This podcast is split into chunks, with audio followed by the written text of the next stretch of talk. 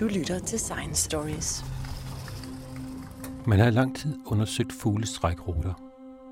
Det har man gjort i over 100 år med ringmærkning, men med projektet Icarus gør man sig endnu større tanker.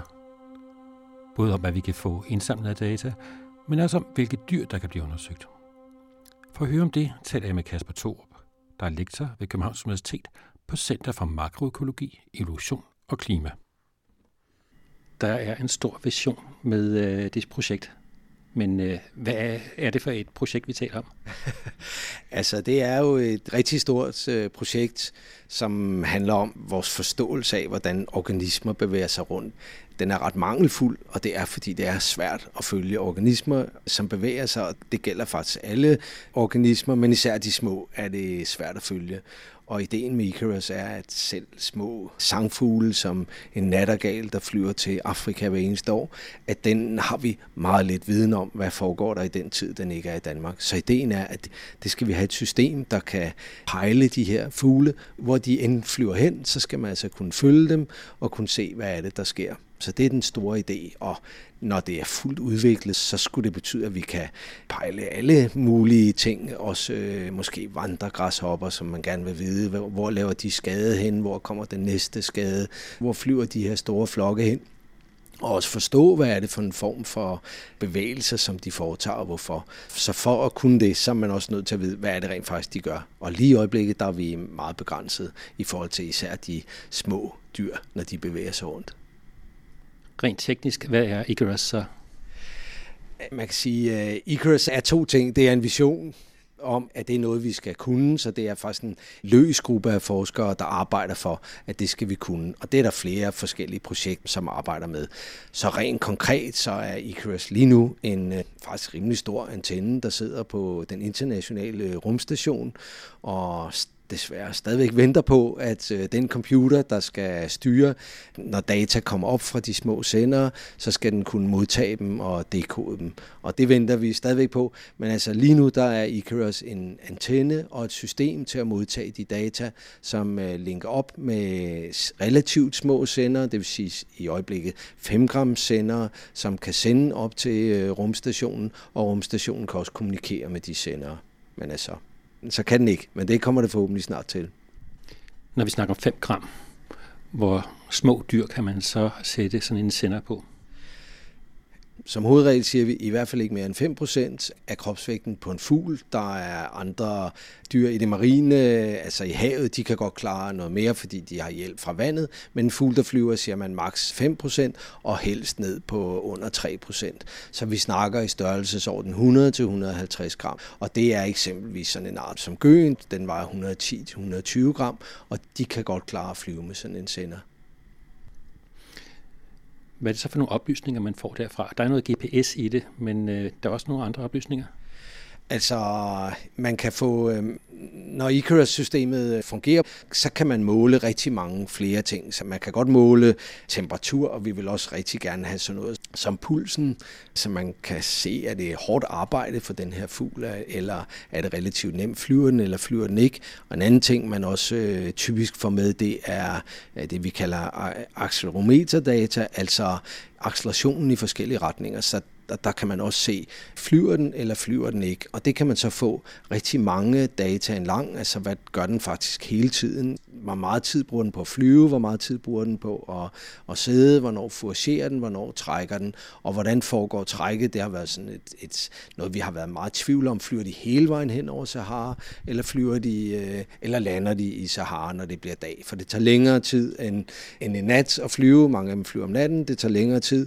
Lander de så, eller flyver de rent faktisk videre. Og det kan man se med sådan nogle data. Man kan også få trykmåling med, og det vil sige, at man kan nogenlunde finde ud af, hvad for en højde flyver de i, når de flyver. Man kan sige, det har vi så øh, nu en anden type øh, lokker, som kræver, at øh, den sidder på fuglen hele året, indtil den kommer tilbage fra den har været i Afrika. Og den type, der har vi så nogle data, så vi har allerede set de første glimt af, hvad er det rent faktisk, der sker. Og fugle, der, der flyver op til øh, over 4 km højde, flyver de faktisk hen over Sahara. Så så, så vi ved allerede noget om det, men, men det store vision med Icarus er, at vi får det hele i samme, i samme sender. Vi får mulighed for at kigge på det hele på en gang. Og så den vigtige ting er, at det er det sender til lige meget hvor fuglen er, eller hvad det er for et dyr, lige meget hvor det er, så kan vi få de data. I øjeblikket, der er alle de metoder, vi har, de er meget afhængige af, at de er i nærheden af, så hvis de skal være i nærheden af en mobilmast, så er der altså ikke noget i Sahara, så ved vi ikke, hvad der sker i den periode. Hvis det er der, de falder om, så får vi ikke nogen data på det. Så sådan et system, som øh, bygger på rummet, det er det eneste, vi har, som er, hvor der ikke er en eller anden form for bias i det, altså at man ikke øh, får det ligeligt fordelt. Så hvis vi gerne vil forstå de ting, så er det rigtig vigtigt, at vi har en lige stor sandsynlighed, lige meget hvad det er, den gør. Og det er kun øh, i øjeblikket rummet, der kan klare det. Der er en lang vej, før mobilmasterne har tilsvarende dækning som det. Men noget af det med observation med GPS, det har man også haft i forvejen. Altså, GPS'en fungerer jo som GPS'en gør. Det betyder, at senderen, eller det tag, som man har, at den faktisk ved, hvor den er henne. Den vejer så typisk med altså 1-2 gram, den lille dims, der skal det. Det putter en hel del vægt på. Det betyder, at for de mindste er det ikke en realistisk måde at gøre det på. De mindste sangfugle vejer 20 gram, så vi skal altså ned i hvert fald under 1 gram, før en sådan sender kan virke. Men GPS'en har man, der har man på elefanter og altså større dyr, der har man en sådan et og der er det mere et spørgsmål om, hvor meget data der skal sendes. Så der har man typisk et mere lokalt system. Og der er det også igen det system, hvor man logger data, i stedet for at man, man sender det, så man gemmer altså data, ligesom en logbog på et skib i gamle dage, hvor man skrev ned, hvad der var sket. Så bruger man en sådan logger til at gemme alle de data, og så kræver det, at man kan finde fuglen igen efter et år typisk. Så det er typisk, at man kigger på dem på yngleområdet, og så venter man til de kommer tilbage, og så kan man så downloade de data, enten ved man fanger fuglen og får fat i den dims, man har sat på, og så kan man så, så, kan man så forbinde det til en computer og få det, eller hvis det er lidt større, så kan man også få de data ned med et radiosignal. Og det kræver så igen der er vi i hvert fald oppe på 20 gram, for at et sådan system fungerer. Hvis vi skal ned og, og fange den, så kan vi godt komme ned på de der 5 gram, men Icarus-systemet skulle gerne kunne gøre, at vi kunne gøre det via rummet, så vi ikke er afhængige af, at fuglen kommer tilbage. Og typisk det, biologi handler om, er at forstå, hvor succesfuld er forskellige former for adfærd, og der vil vi faktisk rigtig gerne vide, dem, som ikke klarer det. Og med de metoder, vi har i dag, de dur stort set kun til at finde ud af, hvordan gør dem, som rent faktisk klarer det. Og for at forstå, hvad er det for en selektion, der foregår, det er det, biologi handler om, det er at forstå den selektion, så er vi nødt til også at vide, hvem klarer det ikke, og hvad var det, de gjorde, som gjorde, at de ikke klarede det. Det er faktisk en af de allervigtigste ting, og det lyder sådan lidt simpelt, vi vil gerne vide, hvor de dør henne, men det er rent faktisk lige præcis, vi vil gerne vide, hvor de dør, og hvad de dør af, for at forstå, hvorfor var det et dårligt valg, den her træf, og hvor mange træffer dårlige valg i forhold til dem, som træffer de rigtige valg. Lige nu, der er vi i stand til at finde ud af, hvad gør dem, som er, gør det rigtige. Og det er et stort fremskridt, men det er rigtig svært at lave øh, den egentlige biologi på det, som handler om hvor, for eksempel, hvorfor går arter tilbage, hvordan påvirker klimaforandringer dem. Der har vi brug for ikke kun at se dem, som klarer det godt. Der, der har vi også brug for at se dem, som ikke klarer det så godt. Hvor lang tid er der strøm til i Intag? Det er solpaneler, så der bliver ikke nogen øh, som sådan nogen begrænsning på dem. Det er, I praksis er der altid alle mulige ting, der går galt. Men man har også i dag med de større sender, der har man nogen, der har virket i over 10 år, som på Stork for eksempel, hvor man har set den samme stork flyve frem og tilbage til Afrika i 10 år. Så de varer lige så lang tid, som fuglene de lever, hvis det er fuglen, man sætter det på. Fugletræk, hvad er det egentlig for et fænomen? ja, altså det er jo meget øh, specielt, mm, hvis man går ud og kigger på naturen, så ændrer den sig hele tiden. Så en ting er, at temperaturen ændrer sig, og planterne ændrer sig, træerne får blade, og der kommer insekter og alle de ting, og så har vi vinteren på det andet tidspunkt. Og det reagerer fuglene på. Det er i hvert fald en del af dem er ikke de samme fugle sommer og vinter. Og det særlige for fuglene er jo, at de kan flytte sig rigtig nemt. I modsætning til et pindsvin, det øh, kan ikke gå langt væk og blive fri. Så pindsvinet tænker, øh, jeg lader bare være med at lave noget hele vinteren. Fuglene, de reagerer typisk med at flyve væk, og en stor del af, af fuglene flyver faktisk øh, til Afrika. Stort set alle dem, der spiser insekter, så landsvalerne, som man ser, flyver rundt og fanger insekter om gården. Om vinteren, så sidder mange af dem nede i Sydafrika og nyder stort set den samme sæson, altså sommeren i Sydafrika med masser af insekter. Der sidder de, når vi har vores vinter. Og det er jo små fugle ned til 10 gram, som klarer det her hver eneste år frem og tilbage, og det er sådan noget, vi andre drømmer om at komme på safari i Afrika. Det laver de simpelthen hver eneste år. Det er ikke usædvanligt, at vores ganske almindelige løvsanger, de sidder i områder, hvor der er, er elefanter. De elefanter, der nu er tilbage i Afrika, dem, det er nøjagtigt sådan nogle områder, hvor vores løvsanger sidder. Du nævnte gø før, og det har man også arbejdet med at se på gø. Man har også arbejdet med, med ringmærkning med gø, og øh, I har også arbejdet med det med nogle former for sender. Kan du prøve at fortælle, hvad er det for en udvikling, der er i den viden, man har fået med de forskellige metoder?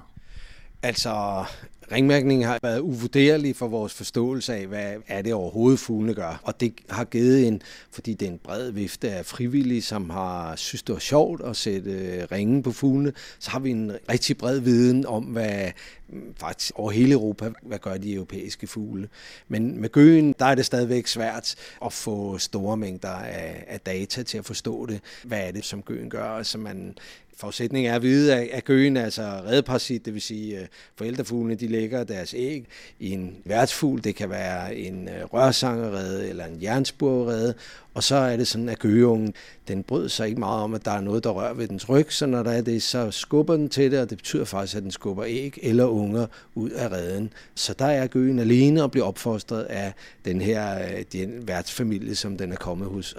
Det kan man så tænke, hvorfor forlader de den ikke? Men den har altså sådan et stimulus, som gør, at de tænker, det er vi simpelthen nødt til.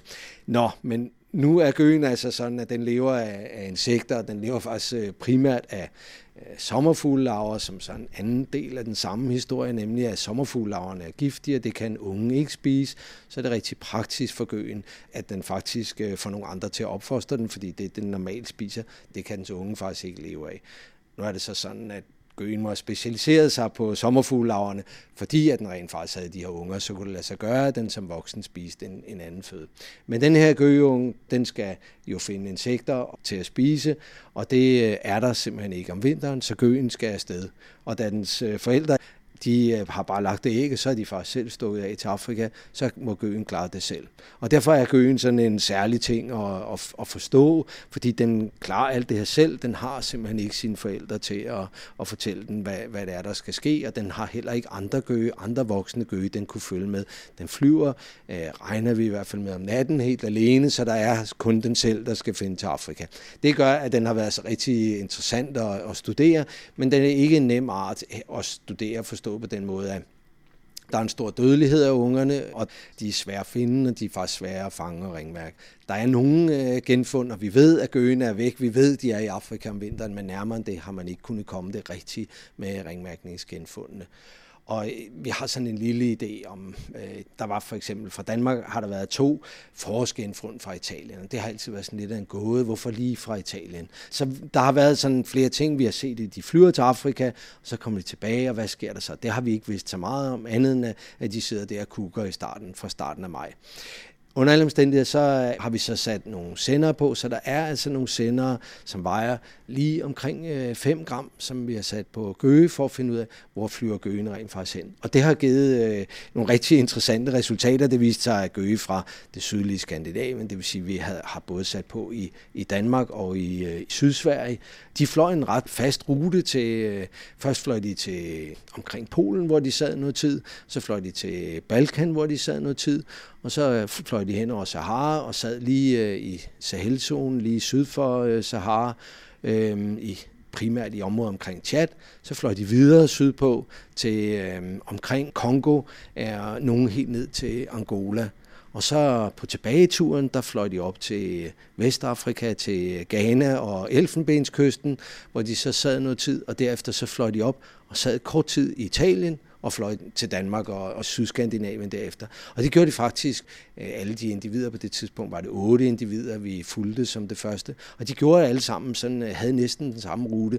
Og når man kigger på det, så ser det meget nemt ud, men faktisk så dækker de omkring halvdelen af Afrika, og Afrika er ikke så stort på et kort, men, men det er altså faktisk kæmpestort. Og hvordan de her øh, fugle, de bare sad med at, at følge den samme rute, og være så konsistent alle sammen, det slås vi med at forstå, hvordan det kunne lade sig gøre. Men under alle omstændigheder, så var det i hvert fald sjovt, at de endte med at flyve igennem Italien alle sammen, nøjagtigt som de to ringmærkningsgenfund, vi havde. Så det var ikke en tilfældighed. Nogle gange, så er der tilfældigheder, hvor man tager fejl af et eller andet. Men her var det faktisk øh, fuldstændig øh, præcist, som det var.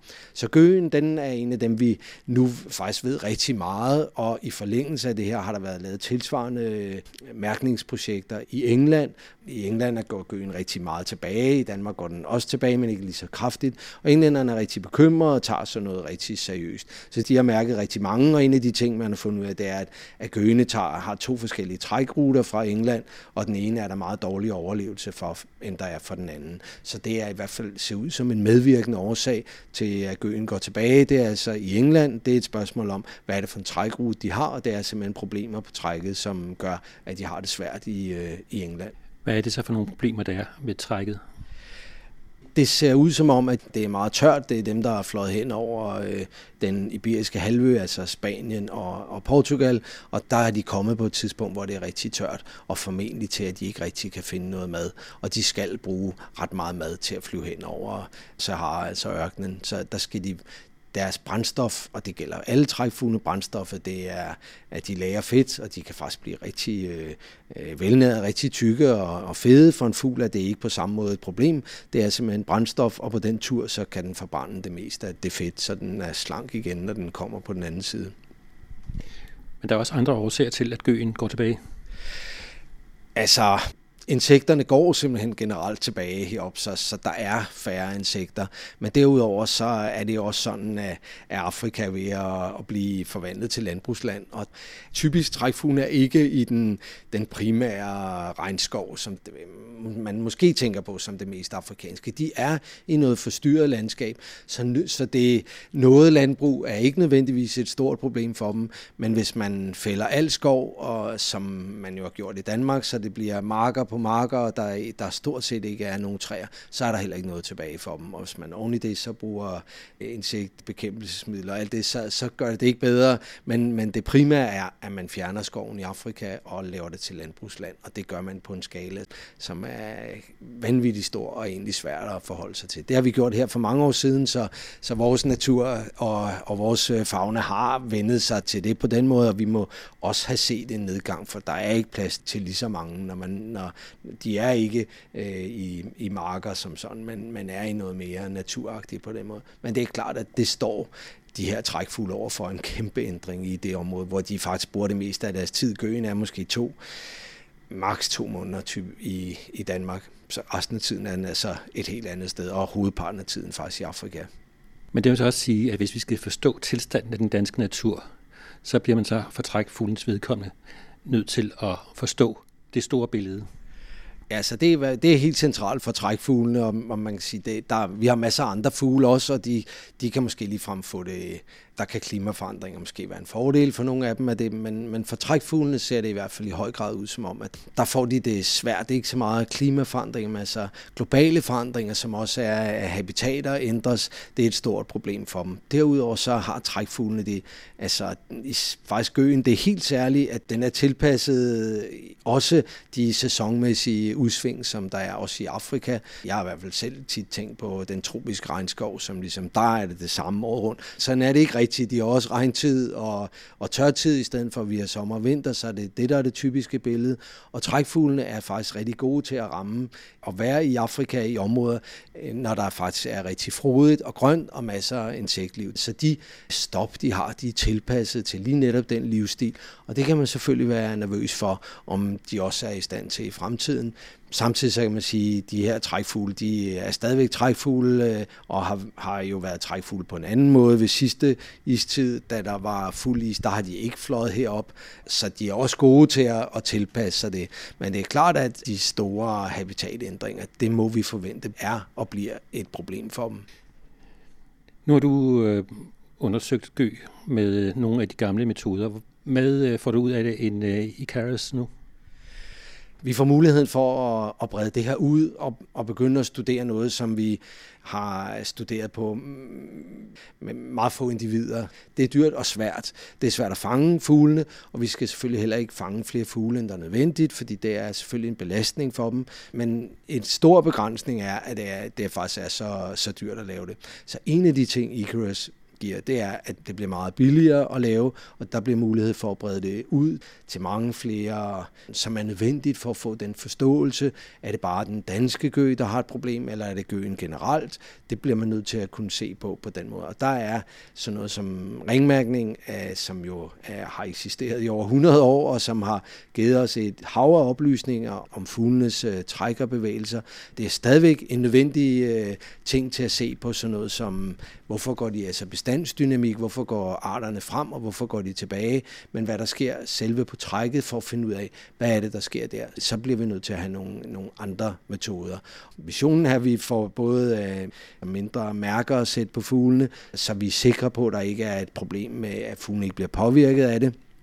Og vi får mulighed for at gøre det med en lang række andre arter. Så sådan noget som nattergalen, den kan vi i dag kun bruge de her lokker, hvor vi sætter en dims på, og så genfanger vi fuglen næste år. Men den skal Icarus også kunne øh, tracke, og en del af det er så, at, man kan, at systemet er målrettet og kunne pejle lige præcis små fugle eller små dyr for den sags skyld, og det har vi ikke haft før. Der har altid været alle mulige andre ting, som systemerne skulle kunne, og det er sådan en ting, som de færreste mennesker tænker over, hvad, hvad det har kostet i udvikling, og biologerne har været rigtig dårlige til at forlange, at, at de skulle også have noget, som de kunne bruge. Hvis man tager sådan noget som vejrudsigten i dag, så tænker de færreste mennesker på, hvad det egentlig har kostet at udvikle den vejrudsigt, og hvad det rent faktisk koster at få de øh, data. Hvis man ikke får den gratis, så klikker man bare væk med det samme.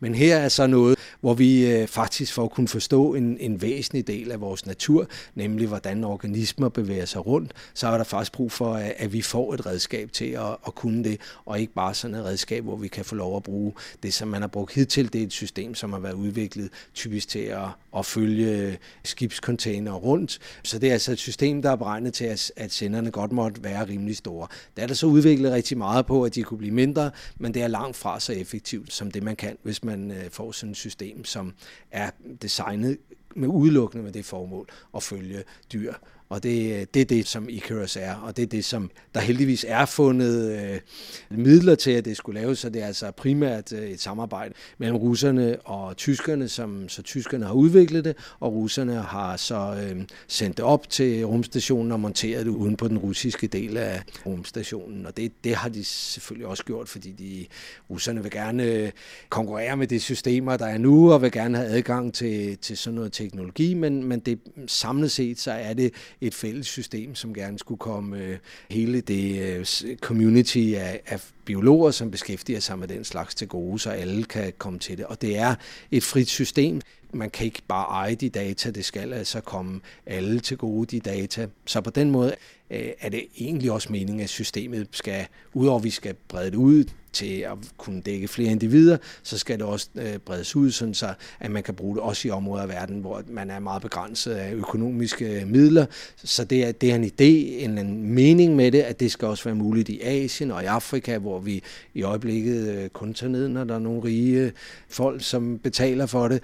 Øh, det skal være meget nemmere at komme i gang med det, og der kommer vi også ud til med perspektiver som for eksempel øh, altså sygdomsspredning, hvor i øjeblikket, når der er Ebola, der er de fleste hørt, der er noget med nogle flagermus, men der er ingen, der ved noget om, hvordan de flagermus flyver rundt, og det kræver altså en, en større indsats, og der har ikke været ringmærkning i de områder eller noget, så der er ingen, der ved noget om de flagermus, andet end at man har fundet det hos de flagermus, og det har man gjort forskellige steder, og hvor, hvordan de flyver rundt, om det faktisk er flagermus, der har fløjet hele vejen til det vestlige Afrika, fra Nigeria og længere østpå, hvor det har været før. Er det sådan, at det er spredt, eller hvad er det? Og det er en, en af de ting, som man rigtig gerne vil have, have mere viden om, og det gælder også øh, fugleinfluenza-spredning af det, og, og der kræver det, at det bliver bredt mere ud, end at, altså, end at det bare os, der kan. For som det er i øjeblikket, er det rigtig dyr forskning. Så det er også en væsentlig ting, at det skal være meget billigere at lave, og så er det altså så, at det bliver så småt, så vi får mulighed for at kigge på nogle af de ting, som i dag er helt umulige. Altså, og det er de mindste trækfugle, det er hovedparten af vores trækfugle, er meget små, ligesom en nattergal er en lille fugl. Så værtsfuglene, det er også nogle, man kommer til at få mere viden om. Ja, det, det er klart værtsfuglene. For gøen, dem øh, ser vi også rigtig gerne, at vi kan sætte på. Og de er faktisk lidt mindre typisk end en nattergal, så det er, det er rigtig svært at, at følge dem på deres træk. Men det kommer vi til.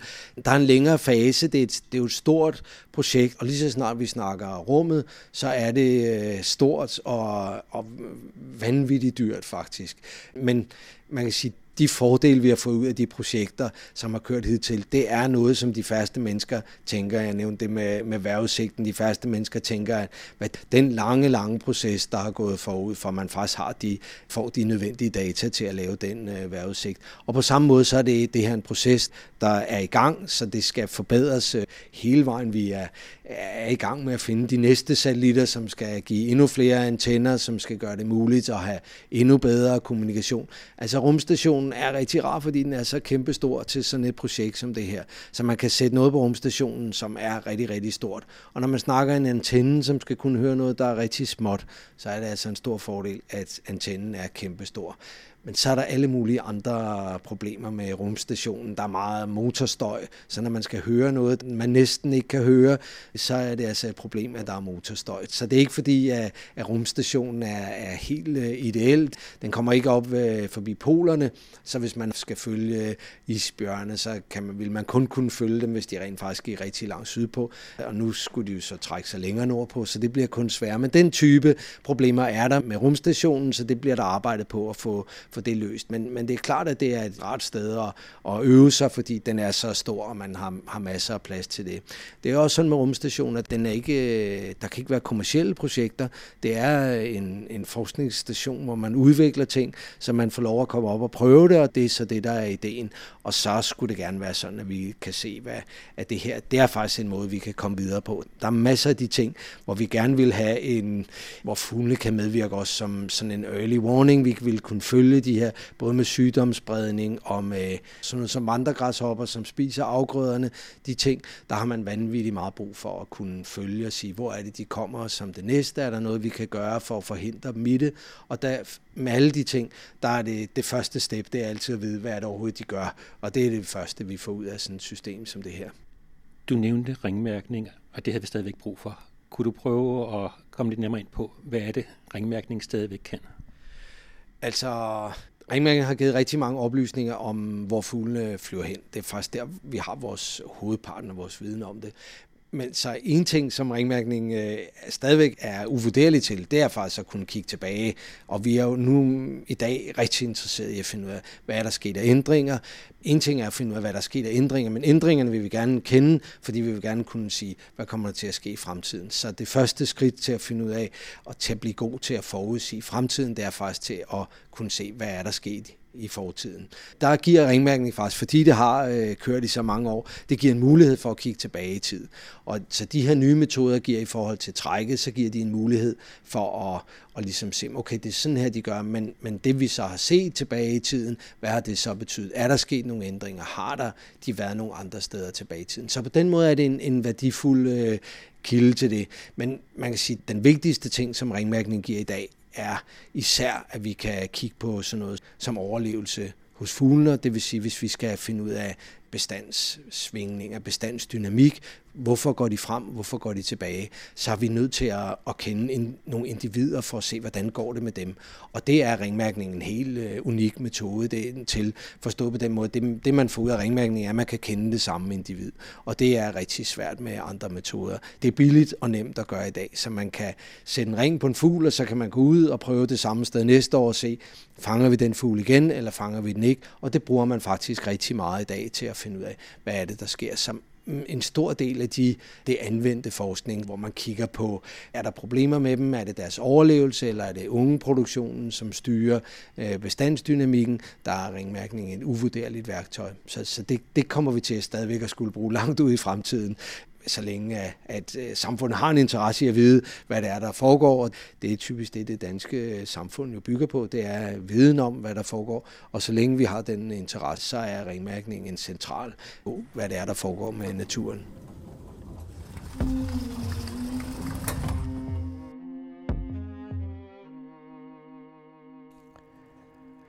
Det var lektor Kasper Torup, der blev interviewet af Henrik Moral i et indslag fra Science Stories på den anden radio.